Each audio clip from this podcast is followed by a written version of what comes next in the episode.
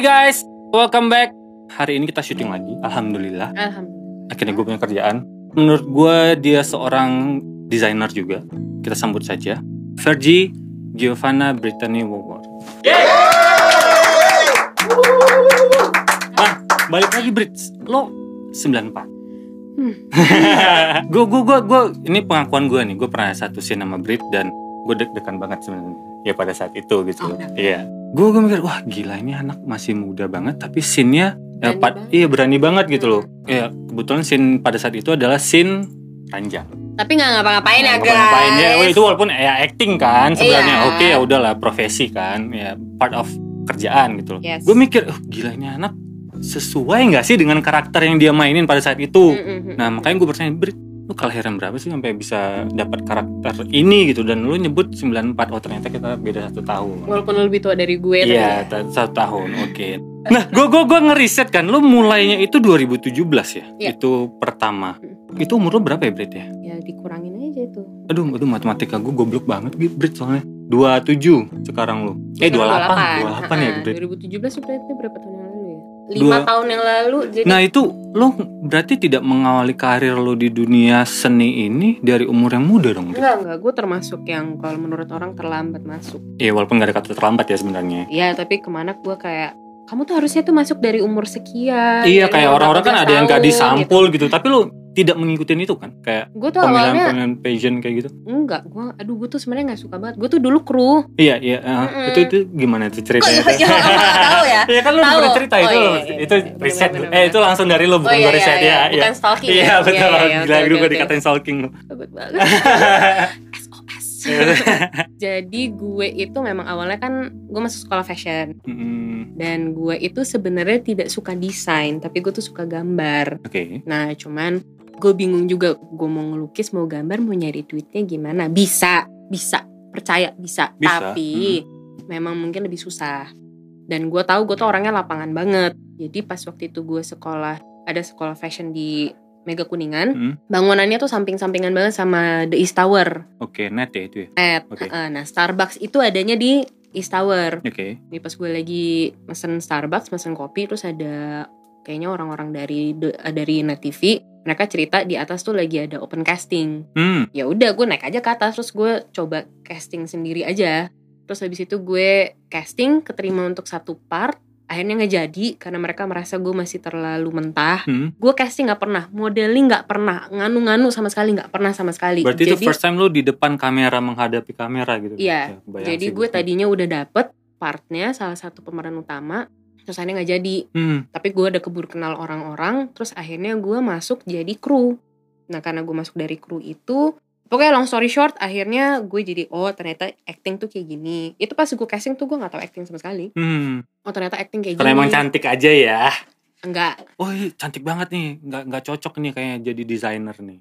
Oke kita panggil. nggak boleh gitu dong. Oh, gitu. Tapi ya nggak apa-apa juga sih, Iya. asal dipergunakan dengan baik, Baik ya. ya. Betul. Nah, terus habis itu gue mulai kenal orang-orang-orang, akhirnya mereka mulai mengajari gue industri ini tuh kayak gimana. Karena sebelumnya gue tuh jadi gue jadi kru pun juga ya udah asal nyemplung aja. Itu lo megang apa kalau jadi kru?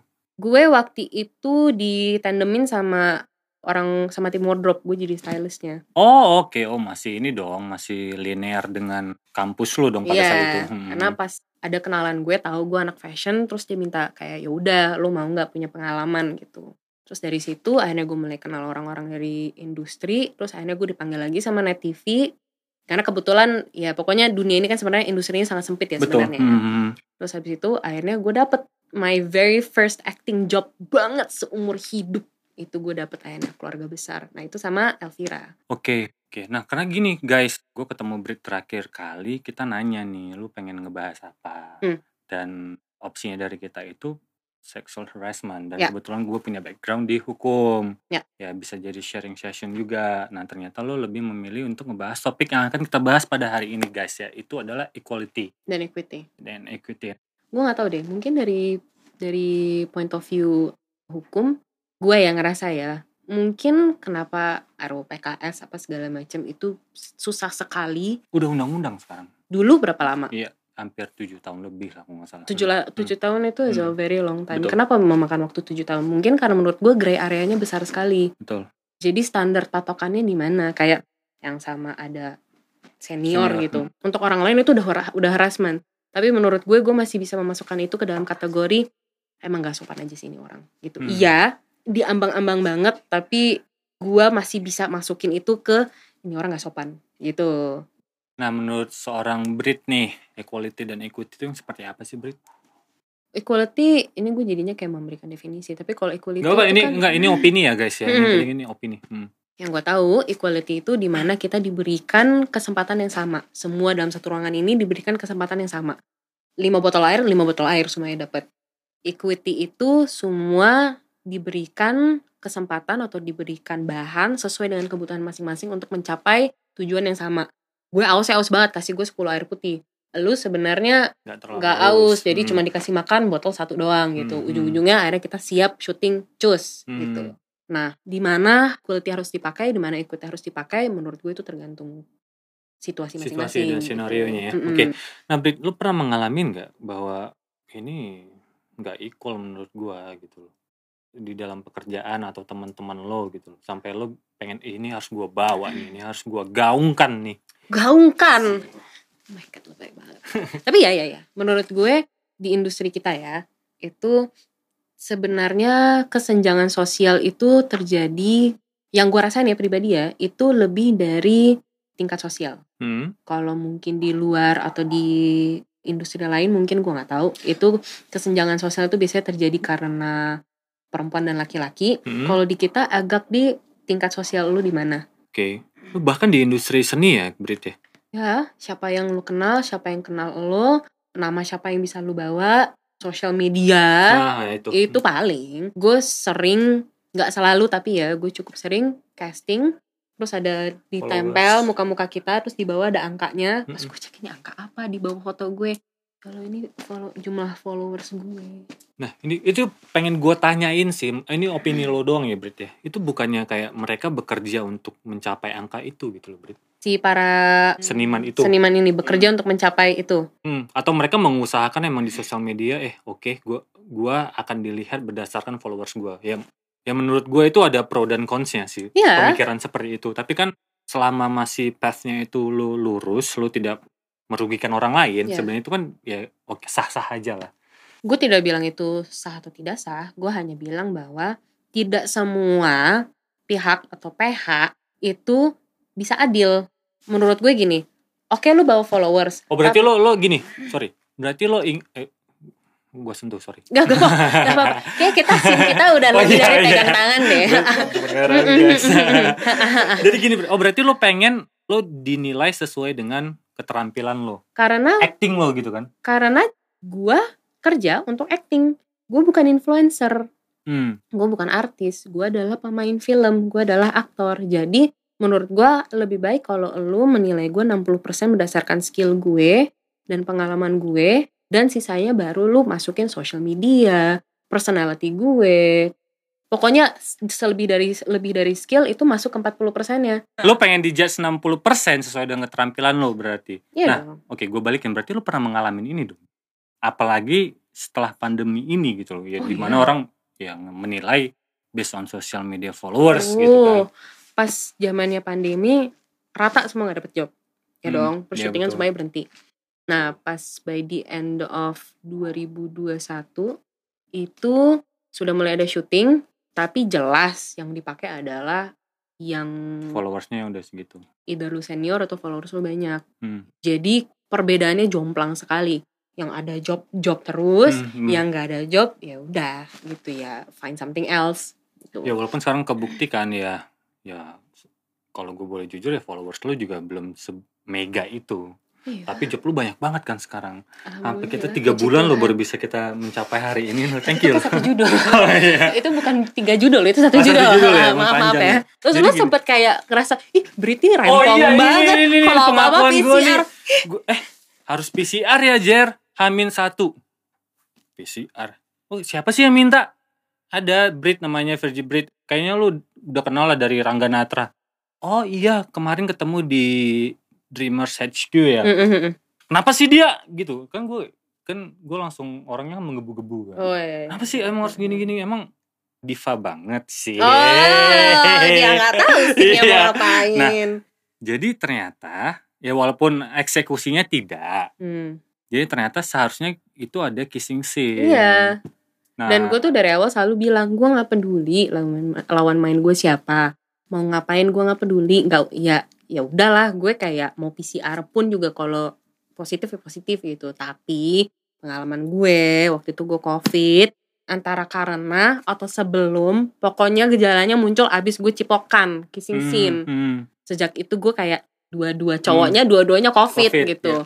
dan dua-duanya gue kissing scene. Jadi gue ngomong selama itu kissing scene selama bibir gue nyentuh bibirnya nih orang. PCR karena guanya juga harus PCR guanya juga harus tetap gue jaga jangan gue nularin ke lu atau sebaliknya nah yang lo nggak tahu sine kita tidak di cafe tapi di kamar Q Iya karena gue di di brief ya, eh, di cafe cuman ngobrol, oke. Nah, Nggak. makanya oh iya oke make sense. Nah akhirnya dari gue ngejudge tuh seperti itu, akhirnya kita tidak malah bersahabat. Malah makanya dapat jangan baru. berasumsi Iya, ya betul, betul, Nah, oke balik ke equality lagi, Brit. Tapi lo tidak pernah merasakan yang gender kan? Atau pernah juga? Karena kan kebanyakan yang digaungkan kayak male female, kayak paid-nya mereka lebih tinggi yang cowok, terus kayak yang ceweknya ngeklaim bahwa gua layak mendapatkan yang lo pernah dengar cowok. pemain Indonesia ngomong kayak gitu apa pemain luar main luar. Nah, setahu gue di Indonesia itu kesenjangannya itu atau diskriminasinya itu dirasakan bukan dari gender, lebih ke lu temannya Strata siapa, sosial ya? strata Hmm, sosial. hmm, Jadi hmm. mungkin ada gue bilang gue nggak bilang enggak ya, tapi sejauh ini gue kenal teman-teman gue, sejauh ini gue kerja itu berdasarkan tingkat sosial lu, bukan berdasarkan female. Itu dari payment, dari masalah pembayaran. Tapi kalau berdasarkan treatment, ya ada itu sih di mana-mana ada pasti Hmm. kayak bagaimana orang-orang di lokasi yang cowok-cowok memperlakukan yang cewek-cewek yang membuat cewek-ceweknya jadi nggak nyaman itu pasti ada Hmm. Itu kru banyak yang seperti itu juga gak sih? Bukan hanya enggak juga talent. kok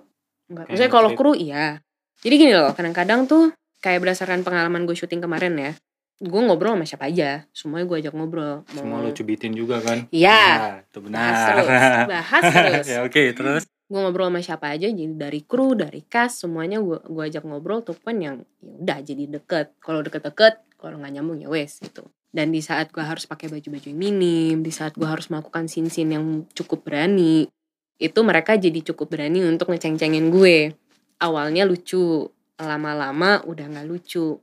Tapi gue tidak pernah mendengar para laki-lakinya di lu diceng-cengin nggak? Enggak. Gue sih ngerasa mungkin ada tapi gue nggak denger Hmm. kayak gue again gue nggak mau berasumsi mungkin di, di belakang gue tapi kalau lagi di depan gue lagi di set itu biasanya yang dibercandain tuh gue gue nggak bahas hanya project gue yang kemarin aja ya kan gue kan tahun ini kissing scene lumayan tuh ya kayaknya tema gue tahun ini cipokan mulu deh Kiwi kiss pokoknya. ah, Hmm, banyak banget guys. Pokoknya ya ya gitulah Brit, mau gimana lagi. maaf ya kamu bukan yang pertama Iya siap. Sebenarnya lu juga nggak pengen kan, tapi gua heran nggak tahu juga. Eh gue takut di blacklist juga sih sama PH itu. ya hmm, hati-hati Tapi ya sebelum kontrak kan perjanjian tidak seperti itu. Sebenarnya gini, pas dari casting gue udah dikasih tahu ini bakal ada kissing scene ya, which I agree, nggak apa-apa, I don't mind. Tapi again, kalau itu gue udah ciuman PCR, kalau boleh gue pengen tahu orangnya siapa. Hmm, Sebenarnya gue nggak harus milih, tapi gue pengen tahu orangnya siapa. Ya iya dong. iya dong bener. Maksud gue, Ya, emang gue capung yang ngasal nempel, ngasal nempel, ngasal nempel. iya gitu kan. tiba-tiba tiba-tiba ketemu halo, hi, bye, terus langsung sosor gitu. Iya, itu kan gue mungkin belum ada di tahap itu dan mungkin gue tidak akan ada di tahap di mana yang cuman karena scene ketemu sejam yang lalu terus gue bisa tiba-tiba gitu. Hmm, Kayaknya sih enggak ya. Jadi gue memang lebih ke pertama PCR, kedua gue pengen tahu orangnya siapa. Terus dikasih tahu bahwa gue ciumannya tuh hanya sama satu orang. Makanya gue nanya mulu siapa nih, siapa nih, gue pengen tahu orangnya siapa. Tanda tangan kontrak, udah teken nih gue. Tiba-tiba skripnya berubah, hmm. total. At least Bukan cuma skrip. karakter gue berubah. Gue baca skripnya itu berubahnya tuh at least 90% dari Uh, skrip yang sebelum pas gue tanda tangan Hmm. dan itu tiba-tiba kissing scene gue jadi banyak jadi sama banyak orang Hmm. gitu Ya nggak sesuai dengan perjanjian awal kan emang kan? hmm, ya Ya. Ini gue dapat cerita nih mengenai equality juga Ya. terkait adalah some project gitu loh dari teman gue katanya bahkan perihal makan dan minuman aja dibeda-bedain antara PU dan peran pembantu utama gitu loh. Jadi ada di satu momen bahwa dia, dia ngerjain nih karena teman gue ini juga salah satu orang yang ya semua harus equal semua harus Hmm, ditreat hmm, sama gitu loh. Bahkan kemarin gua fashion show kain dia ada di situ. Terus Ya gue gue tahu ngomong nih orangnya siapa. boy lo dapat apa? Merek nih sponsor ini berarti nih. lo dapat apa nih? Mm-mm. gue dapat kainnya. Oh iya karena dia ya udah senior lah. Gue menganggap dia senior gue juga mentor gue kan. Ya oke karena lo senior ya treatment lo beda. Oh enggak.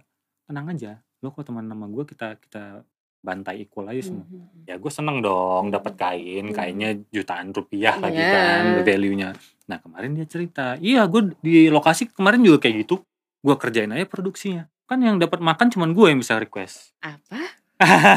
Oh gitu. Oh, gitu.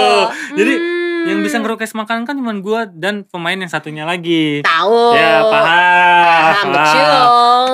kan gue nggak suka ya di treat kayak gitu ya dia bilang oke terus lo ngapain ya gue pesanin aja semua sampai ke kru-kru dan itu menunya adalah salad sop yang satunya itu bisa ya 100 ribuan jadi mungkin produksi pada hari itu membludak gara-gara teman gue ini Gara-gara bubu. Iya. Nah, nah makanya gue bilang oh ternyata di lokasi itu seperti itu karena gini loh ya gue gue melihat bahwa pemain-pemain yang non utama atau peran pembantu utamanya yang di situ juga ya mereka udah punya nama masing-masing gitu loh mm-mm. kan yang mereka yang menurut gue udah punya nama masing-masing aja masih di treat seperti itu Kalau menurut gue itu kembali lagi ke ya itu status dia pemeran utama. nah Pertama dan kedua ada juga kondisi-kondisi di mana kalau lu vokal, lu akan jadi lebih diperhatikan. Either in the bad way or in the good way. oke Nah, ini itu pernah dia. makanya gue pernah nanya nih sama Nah, Bang Jo. Bang Jo itu manajemen gue by the way Ya, Heeh, kenapa manager sorry banyak pemain atau gua nggak tahu musisi ya bukan bagian gue. Tapi kenapa banyak pemain yang makin lu ribet semakin lu banyak mau semakin lu di orang tuh menilai lu kalau nggak diva tuh ribet tapi lu makin di, makin diperhatiin lu makin dinurutin. Kenapa ya? Gue sempat menjadikan itu pertanyaan sebenarnya. Hmm. lu makin dilihat sebenarnya mau secara negatif atau positif, lu Positif, makin di, hmm. makin dilihat. Jadi gue kadang melihat bahwa mungkin karena dalam satu hari itu kita ketemu banyak orang pemain tuh ada banyak jadi semakin lu vokal ya lu akan semakin mungkin jadinya muncul jadi bahan omongan in a good way or in a bad way Mhm. jadi mau si temenmu ini atau sama si pemeran pembantu yang namanya juga cukup sama besarnya, tapi kenapa dia yang lebih diperhatiin? Pertama, pasti karena dia pemeran utama. Kedua, karena dia vokal. Si lawan mainnya itu dia nggak sevokal ini. Hmm. Cuman memang statusnya dia udah menurut gue dia one above all lah. Hmm. Statusnya dia tuh ya lu tahu kan Hmm. statusnya Hmm. Hmm. beliau seperti apa gitu. Jadi menurut gue untuk mencapai itu memang bentuknya beda-beda. Tapi kalau untuk kasus temen lu, menurut gue karena dia vokal anaknya. It has nothing to do with men or women menurut gue. Dia ngomong didengerin. Andai kata mungkin gue yang ngomong belum belum tentu gue didengerin. Hmm. Karena mungkin status gue di mana, backingan gue mungkin gak kuat mungkin ya. Jadi ya akhirnya buat yang kayak gue dengan teman-teman gue memilih untuk ya udah diem aja deh gitu. Karena kan lo sempat ngomong sama gue bahwa, bahwa gue udah terlalu vokal, gue ketakutan kalau gue nanti di blacklist atau gue di ya Dibilang ribet. iya dibilang Heeh. ribet dan segala macam. Mm-mm. Nah sebenarnya berbahaya juga nggak sih Brit ketakutan-ketakutan seperti itu gitu kan? Sebenarnya berbahaya, cuman gue kemarin ada di point di mana gue harus ngomong, tapi gue takut ya namanya takut kehilangan job mah ya normal ya. Hmm. Apalagi posisi gue bukan seperti posisi beberapa teman kita nih Hmm. yang untouchable. Abal, Ha-ha. ya. Jadi gue merasa gue harus mencari balance-nya. Dan gimana pun juga nggak hanya equality, gue juga agak sedikit mencari yang namanya balance gitu loh. Kayak gue susah, ya kali ini gue yang susah, nanti nextnya yang lu yang susah gitu. Hmm, Kayak hmm. kali ini baju gue nggak nyaman nih, tapi nextnya kalau gue udah nggak suka ya lu ribet mesti cari baju yang yang bikin gue nyaman. Kemarin gue udah gak nyaman, gantian nih, kayak gitu. Hmm. Jadi walaupun gue vokal tapi gue tetap mencari balance-nya juga. Jadi menurut gue itu yang bikin gue ketakutannya itu yang ngerem gue biar gue bisa tetap balance juga gitu. Oke, nah itu kan kurang lebih udah banyak kita bahas dalam segi profesi. Ya. Gue gue pengen ngebahas equality atau equity itu di dalam segi private life lo. Lo Nah. kalau bisa ngedate, Mm-mm. yang kayak gue bilang lo menggaung-gaungkan equality. Hmm. Itu lo gimana sih Brit sama pasangan lo biasanya? Kayak oke, yang kemarin sempat viral itu split bill, apakah akan seperti itu? Hmm. Nah, faktanya seperti apa kalau lo? gue itu termasuk orang yang kalau gue baru deket apalagi baru pacaran atau bahkan pas udah pacaran pun juga ya gue mencari yang efisien kalau lu jemput gue rumah gue di BSD lu di Jakarta kita mau ketemuannya di Jakarta Selatan lu jemput gue ke sana lagi udah berapa jam Hmm, mendingan ketemuan aja di sana oke. dan gue juga ada ra- rasa-rasa ke- eh, ketidaknyamanan kalau gue belum terlalu deket terus tiba-tiba dijemput terus di mobil berduaan gitu gue kayak Awkward. teman di sana aja yuk gitu Oh ternyata bisa awkward. karena kalau misalnya gue ketemu orang yang sama dry texter terus kayak gue gue sangat gue Tapi lo nggak akan ngedit orang-orang seperti itu. Itu ya, emang tipe lo? Dry texter jujur gue bukan tipe orang yang jago chatting Oke. semua orang yang kenal gue yang deket sama gue itu tahu gue kok balas chat tuh bisa tiga minggu sekali sebulan Hmm. sekali Ya, Kalau lu bahkan butuh lo gue, nge-mention telepon gue. dua tiga bulan kan? ya Ya, I'll call you back tapi dua bulan kemudian. Oke. apa kalau telepon enggak jadi lu prefer lu gue lebih prefer lu telepon gue tuh ketemuan Hmm. jadi kalau kalau gue ketemu sama yang dry texter tapi kalau pas ngobrol langsung nggak masalah fine tapi kalau pas di mobil udah gitu dianya canggung karena gue capek akhirnya nyari topik mulu Hmm, ya, ya, ya, ya, ya. bagian situ yang gue Iya, malas iya, iya. Ah, Oke, apalagi nih gitu. Kalau udah ketemuan di sana, kalau baru kenal kan banyak eh ada ini gitu kan. Hmm. Dan masalah split bill kan yang nonton gue juga. Kan gue pun juga nonton. Gue juga menikmati malamnya. Gue juga ikutan makan. Either kita BSBS atau misalnya dia bayar nonton, gue bayar makan malam Hmm, gitu. hmm. Dan gue kemungkinan sangat besar gue tidak akan keluar kalau gue nggak punya duit. Lo ngajak gue ngedit, gue nggak punya duit, gue akan ngomong sama lo. Kayaknya cannot ya. Tapi itu pernah terjadi. Selalu Selalu ya. selalu terjadi kecuali kalau mereka maksa dan di saat mereka maksa dan gue pergi gue akan mencari apa pun yang paling murah Hmm, kalau perlu makan di rumah lah gue biar kenyang-kenyangin dulu ya. nah, di sana gue ngemil-ngemil gitu Nah itu itu hal-hal yang seperti itu didikan kah? Emang bokap nyokap lo mendidik? Karena nyokap lo Belanda kan? Ya. Ya benar ya. Itu didikan dari nyokap atau bokap? selain Belanda apa lagi gue tahu cuma Belanda, sorry oh banget ya. berarti stalkingnya Gue gue cuma tahu dia dicakar-cakar sama hantu tuh gue tahu. Stalkingnya ya seadanya aja lah. Bagus. Gak usah, gak usah nge-challenge diri gue yang gimana gimana bagus gitu. bagus tahu batas Nah, itu didikan orang tua atau gimana? mungkin karena gue datang dari keluarga kedua belah pihak antara bokap sama nyokap itu sangat didominasi oleh perempuan Oke. Jadi dari jumlahnya dan dari sifatnya perempuan-perempuan di keluarga gue itu pekerja keras semua. Dan tipe-tipe perempuan-perempuan dominan yang terkesan galak. Padahal sebenarnya bukan galak. They know what they want dan mereka mau dapetin itu gitu. Jadi kan kalau di sini kan gitu perempuan perempuan yang empowered atau perempuan yang tahu dia maunya apa dan mau dapetin apa yang dia mau itu kalau nggak dilihat agresif atau dilihat galak. Hmm. Iya 90% perempuan-perempuan di hidup gue itu adalah perempuan-perempuan dominan yang tahu cara nyari duit, Hmm. tahu yang namanya ngurus ini, ngurus itu sampai itu pun mungkin akhirnya jadi didikan tanpa tidak secara langsung dan Berarti jadi kesadaran culture, cul- udah bisa Culture. ngomong culture dong jadi gitu. Hmm. tanpa kesadaran sendiri untuk tahu bahwa ya yang namanya struggle itu rasanya kayak apa. Jadi gue tahu nyari duit itu susah. Terus ya gue nggak enak juga untuk kayak semuanya dibayarin sama laki gue gitu ya. Hmm. kan gue juga gue juga menikmati gitu. jadi menurut gue itu ya culture akhirnya jadi dari keluarga Oke, gue nah kalau menyikapi kayak bahasa-bahasa yang gue bilang ladies first itu gimana jadi? Gue tidak terlalu percaya dengan yang namanya ladies first. Gue percaya dengan apa yang efisien. Mau masuk pintu siapa yang posisinya paling efisien untuk buka pintu dan masuk? Ya itu yang masuk duluan. Mau itu laki-laki mau itu perempuan mau makan mau apa posisi mana yang paling efisien untuk mulai duluan ya dia yang mulai duluan mau yang efisien dua-duanya yang mulai duluan ya silakan dua-duanya mulai duluan gitu Karena gini, ya banyak case ya mereka emang menyuarakan equality, Ya. feminism, Ya. feminisme, tapi di adjust dengan keuntungan untuk mereka sendiri. oke jadi gue Dari percaya pihak perempuan nih ya. ya ya ya paham paham Iya equality. paham paham paham Bill keluar, tep. enggak, ini bukan tanggung jawab gue. Ya ya ya ya paham, Gitu paham. kan, banyak-banyak yang memakai itu gitu. kalau lo mau equality sederajat akan ada kelebihan akan ada positif dan negatifnya akan ada kerugian juga yang mau nggak mau lo, lo alamin pasti lu mu- menyuarakan equality equality supaya kita tidak ditindas karena selama ini laki-laki selalu patriarki itu laki-laki Hmm. selalu posisinya di atas perempuan bla bla bla tapi lu juga nggak nyadar posisi itu di mana saat perempuan itu ada di bawah laki-laki mereka pun juga punya tanggung jawab punya kondisi-kondisi yang ditanamkan dan diharuskan untuk mereka lakukan. Nyari duit jadi kepala rumah tangga. Baru lulus kuliah udah tahu udah mesti tahu caranya nyari duit ngidupin keluarga beli rumah.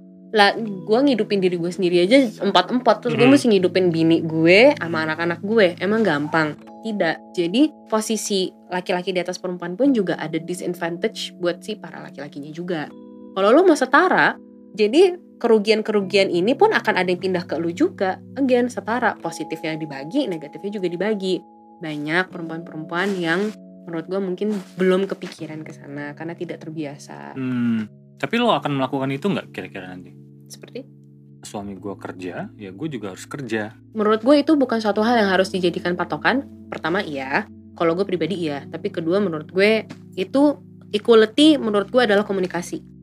Equality dan equity itu adalah posisi di mana yang bisa tercapai kalau lu komunikasikan dengan orang yang sedang lu lagi berhubungan sama lu. Bukan berarti oh equality ya berarti suami istri dua-duanya kerja ya. Ya nggak apa-apa.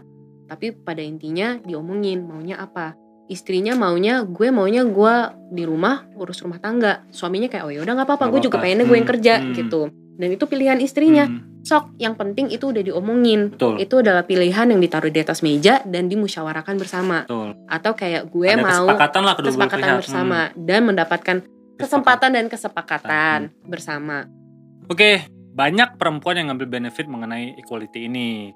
Ada tanggung jawab, mereka tidak bertanggung jawab seperti tanggungan rumah tangga, belum tentu itu mengambil benefit bisa aja itu culture culture mereka. benar. Nah, kalau ngomongin culture, pendapat lo gimana mengenai culture yang kita ya kurang lebih lah walaupun nyokap lo dari Belanda tapi kurang lebih lo pasti paham lah dengan culture culture yang di ada di Indonesia ini gitu. masalahnya mengenai dengan da- masih dalam konteks equality ya. Masalahnya culture di Indonesia pun juga banyak. Menurut gua culture seperti itu mungkin lebih besar di Jawa. Kalau lu dari Padang, culture-nya beda banget sama Tuh. Jawa gitu Malah loh. yang ngebeli pihak perempuannya. Iya, di Hmm. Bali lu lihat pekerjanya siapa?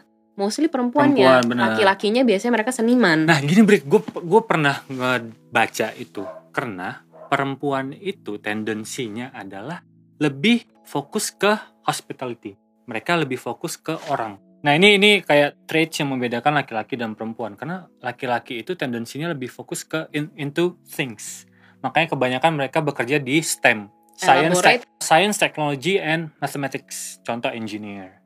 Nah itu kan mostly kan laki-laki. Nah kalau lu bilang di Bali itu kebanyakan perempuan kan emang Bali itu fokusnya kepada hospitality. Yang di mana hospitality itu fokusnya kepada orang. Tapi fokus-fokus itu bermulainya dari mana?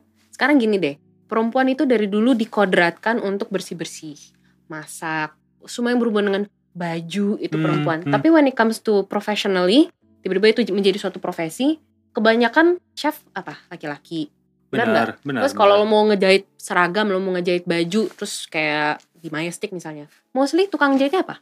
laki-laki ya, bahkan desainer juga kebanyakan laki-laki. Hmm. Jadi menurut gue kenapa bisa jadi seperti itu ya karena culture. Maksud gue bukannya culture-nya terbentuk karena tendensinya laki-laki jadi ke sana. Kalau menurut gue berdasarkan pengamatan gue dari kecil itu tendensi itu terjadi karena culture. Karena when it comes to jadi tulang punggung keluarga untuk kerja untuk nyari duit itu laki-laki apa pun itu apa pun itu profesinya. Tapi kalau itu bukan suatu profesi itu baru kodratnya baru untuk perempuan. perempuan. Nah, tapi emang benar ini suatu fakta ya. Gue dengar dari kembali favorit gue salah satu idola gue Jordan B Peterson yang ngebedain itu masalah equality itu cuman pertama culture, Hmm. yang kedua biologis. Oke. Hmm, jadi misalnya kalau fokusnya ke culture berarti biologisnya semakin ketutup. Ketika fokusnya ke biologis berarti culture-nya ketutup. Di antara itu dua dia dia ada melakukan suatu penelitian itu paling neg- negara paling equality-nya paling hampir mencapai baik Hmm. itu di Scandinavian countries Yes. dan ternyata perbedaan laki-laki dan perempuannya itu semakin besar. Mm-mm.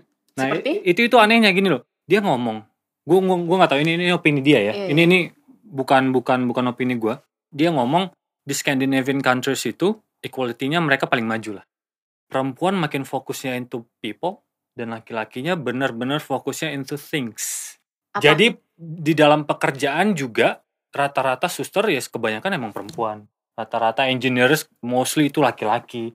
Dan dan itu sampai ke dalam tahap berumah tangga. Nah, itu karena culture enggak? Karena suka atau tidak, culture itu terbentuk dari dari ruang nyaman, comfort zone.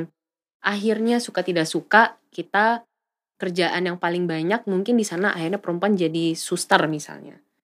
Akhirnya itu kan jadi comfort zone dari dari situasi atau dari lingkungan itu yang kayak ya udah gue mungkin kalau berarti mostly perempuan di situ kebanyakan di bidang kedokteran tapi sebagai Hmm, suster hmm. Eh, tapi kedokteran in general kok. Ha-ha. Hmm. jadi mungkin misalnya gue nih, mungkin tante gue juga suster, tante gue yang satu lagi dokter, terus mungkin omak gue dulu juga pernah jadi perawat. Jadi itu adalah suatu culture bisa jadi ya, again gue nggak tahu, tapi Hmm. bisa jadi itu suatu pattern Hmm, hmm. yang culture-nya itu terbentuk karena pattern atau mungkin sebaliknya. Jadi berhubung gue nggak tahu, gue nggak pernah research, gue nggak pernah baca juga, gue baru tahu dari lo. Bisa karena itu perubahan perubahannya itu terjadi karena biologis dan psikis atau bisa juga karena pattern dan gara-gara ruang nyaman. Mungkin kita nggak tahu. Oke, berarti gue menyimpulkan bahwa kesetaraan dalam equal opportunity. Yes. Yes, karena gini, Brit, lo sepakat nggak sih equal opportunity itu tidak sama dengan equal outcome? Nah, elaborate coba.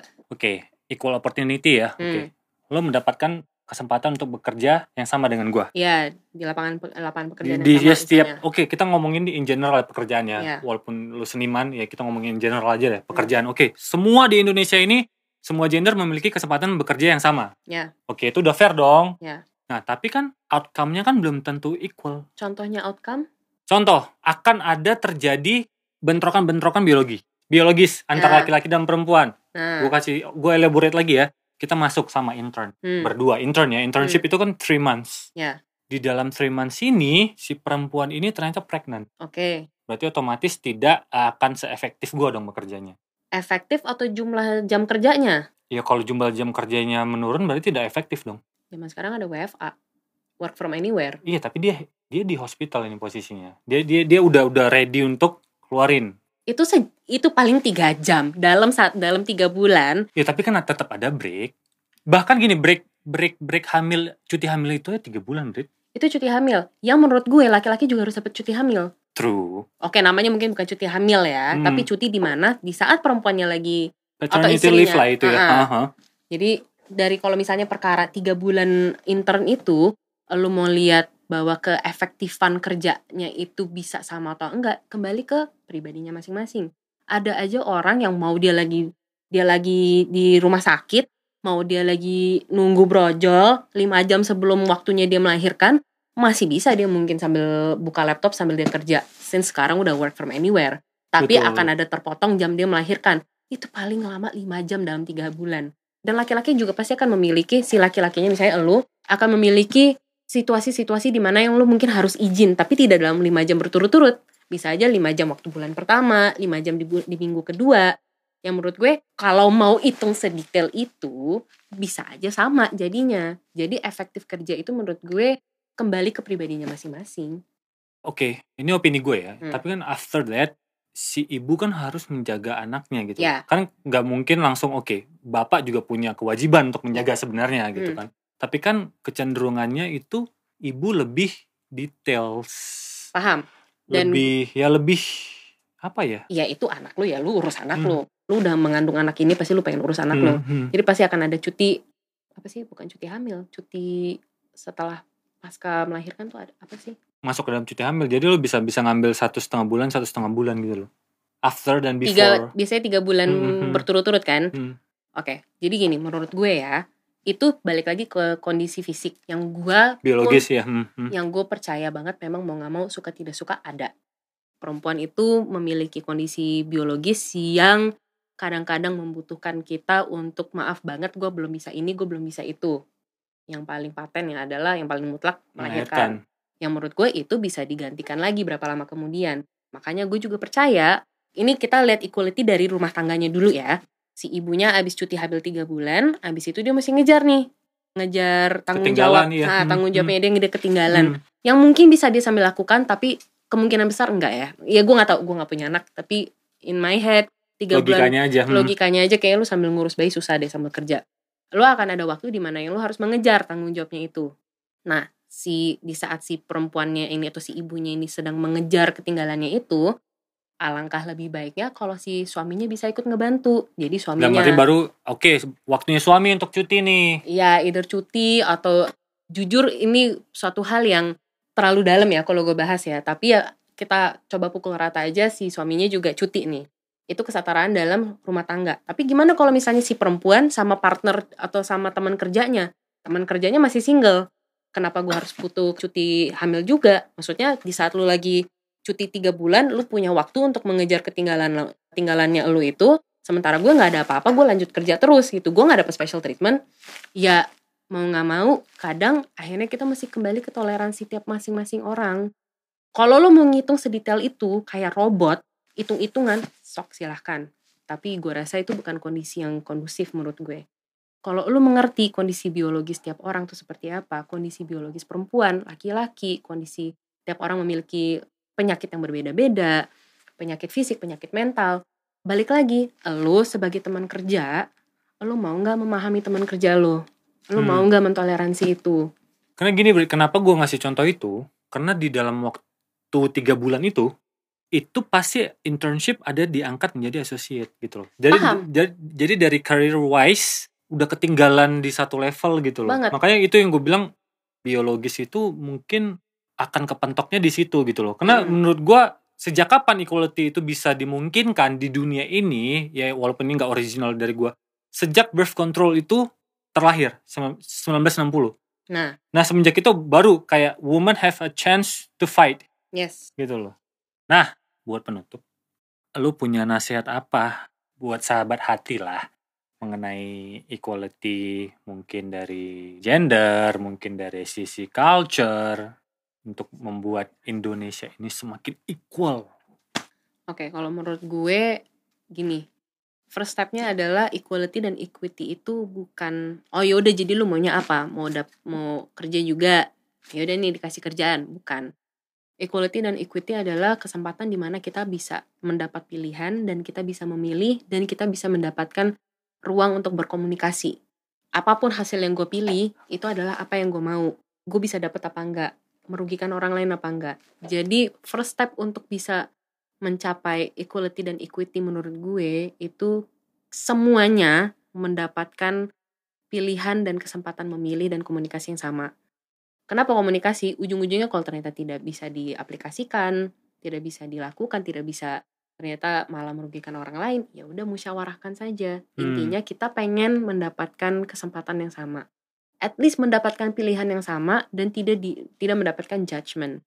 Kembali ke contoh yang paling paling klasik adalah kalau si perempuannya pengen bekerja, kasihlah dia pilihan untuk bisa bekerja. Perempuannya juga harus tahu resikonya apa untuk lu bekerja.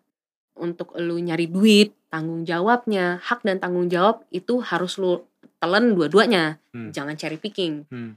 Kalau si perempuannya pengen jadi ibu rumah tangga, kasihlah dia kesempatan untuk menjadi ibu rumah tangga. Hmm. Tapi again, hak dan kewajiban dan tanggung jawab, resiko, apa segala macam pasti ada. Lu mesti telan, jangan cari picking. Atau misalnya tiba-tiba, oh gue pengen dua-duanya. Gue inget banget Mbak Najwa pernah ngomong yang mutlak atau yang sudah kodratnya perempuan, again gue nggak tahu ya siapa yang bikin kodrat dan kodrat itu da- datang dari siapa yang dulu Hmm, bikin hmm. kodrat, tapi kodrat mutlak untuk perempuan atau wanita adalah menstruasi dan melahirkan. Setahu gue ya. At least minimal menstruasi. Ya, Kondisi fisik yang 99% perempuan udah nggak bisa Hmm. kabur lagi. Itu emang udah kodratnya perempuan menstruasi. Hmm. Sisanya yang lain fleksibel. Sisanya yang lain lu bisa atur lu sendiri maunya gimana gitu loh. Lu bisa atur masa depan lu seperti apa. Lu bisa atur hidup lu seperti apa selama tidak merugikan orang lain gitu. Dan kalau gue boleh tambah ya, kalau teman-teman yang di luar sana, terutama di Indonesia, sahabat hati kita, yang perempuan, yang bener-bener lah kalau woman support woman itu Iya. dipraktikin. Kebanyakan woman yang nyerang woman gitu loh. Padahal laki-laki juga fine aja gitu loh. tapi kalian eh seksi banget pan. Nggak ini. Eh Oh, lu gua- kan seharusnya nggak kayak gitu kodratnya perempuan. Dan segala itu kebanyakan datang dari perempuan itu sendiri. Jadi tolonglah ya. Jadi berhubung kita lagi gerak jalan nih untuk membawa atau pengen menyuarakan equality ini, janganlah kita ditarik-tarik ke belakang. iya benar Contohnya yang menurut gue cukup kontroversial adalah ada satu perempuan yang mungkin dia di catcall atau dia mungkin di sexual harass. Terus ada perempuan lain yang kayak, ya bajunya juga. betul Kenapa bajunya? Apa yang salah dengan bajunya? Menurut gue itu masih debatable. Hmm. Gue nggak bilang mutlak itu benar atau mutlak itu salah, Salah. tapi menurut gue itu debatable. Eh apa? Debatable. Tapi di luar itu kalau dia pakai tank top, dia pakai celana pendek, bukan berarti itu undangan juga. betul Jadi jangan disalahin juga mau dia cuma pakai tank top sama celana pendek terus nggak pakai luaran lagi. Semua kalau yang namanya mengundang tidak mengundang menurut gue itu bukan dari baju. Mengundang atau tidak mengundang itu dari vibe. Adalah saat-saat di mana yang misalnya gue lagi suka sama satu cowok terus gue pengen tuh cowok deketin gue gitu. Gue memberikan vibe di mana yang kayak halo, hai, aku pengen diminta diajak kenalan nih. Kalau nggak gue yang maju duluan nih gitu. Gue memberikan vibe itu di mana yang I'm open kalau lu ngajak gue kenalan, kalau gue mendapatkan vibe yang sama mungkin gue akan maju duluan tapi kalau enggak mau gue pakai tank top mau gue pakai celana pendek gue nggak mau di tiba-tiba disamperin diajak kenalan gue akan memberikan vibe di mana oke makasih tapi enggak no thank you Nah, buat Gitu. teman-teman yang kalau belum tahu itu namanya fashion, bukan invitation. yes Nah, ya. Thank you. Yes. Nah, tapi ya pesan gua buat lo ya jangan juga lah lo jalan-jalan di jam 1 jam 2 subuh. Yang nge-catcalling lo itu bukan manusia. iya dajal Iya, yang catcall iya. gue dajal Iya, kemarin jadi juga ya, Fergie. Brittany, terima kasih banyak Terima udah kasih. mau mampir di Pakai Hati kita. yes Mungkin ini bukan terakhir kalinya. Atau mungkin kita pindah nanti. hmm, iya betul ini ganti nih nanti kita bu buka studio oh bukan di baru. sini oh Iya. Thank you buat waktunya. Thank Terima you kasih. sudah Thank you, guys. mengundang.